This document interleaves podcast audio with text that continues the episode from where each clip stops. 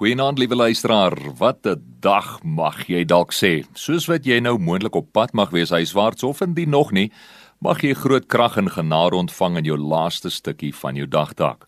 Gen my die geleentheid om 'n direkte vraag te vra as ek mag.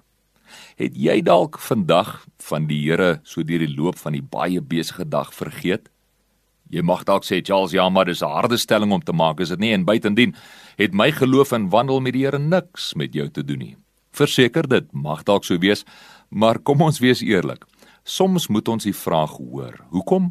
Sodat ons by die besef kan uitkom dat al mag ek by tye my gedagtes laat afdwaal, het van hom deur die dag hy nooit sy liefde en sy gedagtes van my verwyder nie. Die woord sê dat die oë van die Here heen en weer oor die aarde beweeg om te sien wie sy harte en denke op hom gefestig is. Nou daar's geen veroordeling wanneer ek hierdie sê nie, want almal van ons vergeet van hom by tye en verloor ons fokus. Nou dit mag dalk skokkend klink en 'n baie disruptiewe stelling om te maak, maar dis die realiteit van ons menswees. Ek bely en ek erken dat ek nog so nou dan struikel en val en so tussendeur in my eie wandel met die Here ook van tyd tot tyd vergeet en bietjie fokus verloor. Ja, dit gebeur, veral as ons mos nou baie besig is.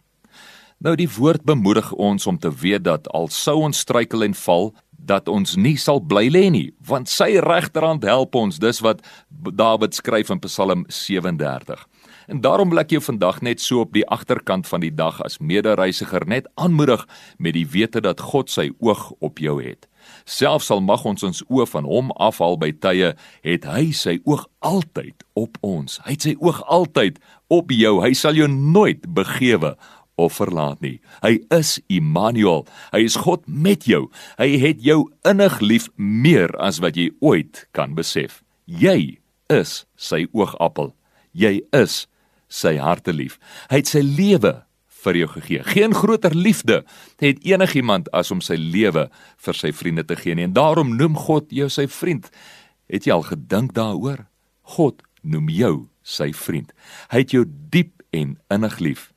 Mag jy jou aand geniet in sy teenwoordigheid en die wete dat jy geborge is in sy liefde vir jou. Mag jy jou aand geniet ook in die geselskap van geliefdes, maar dalk ook alleen, maar nooit sonder hom nie weet dat hy daar is vir jou. Nee, weet dat hy hier is vir jou.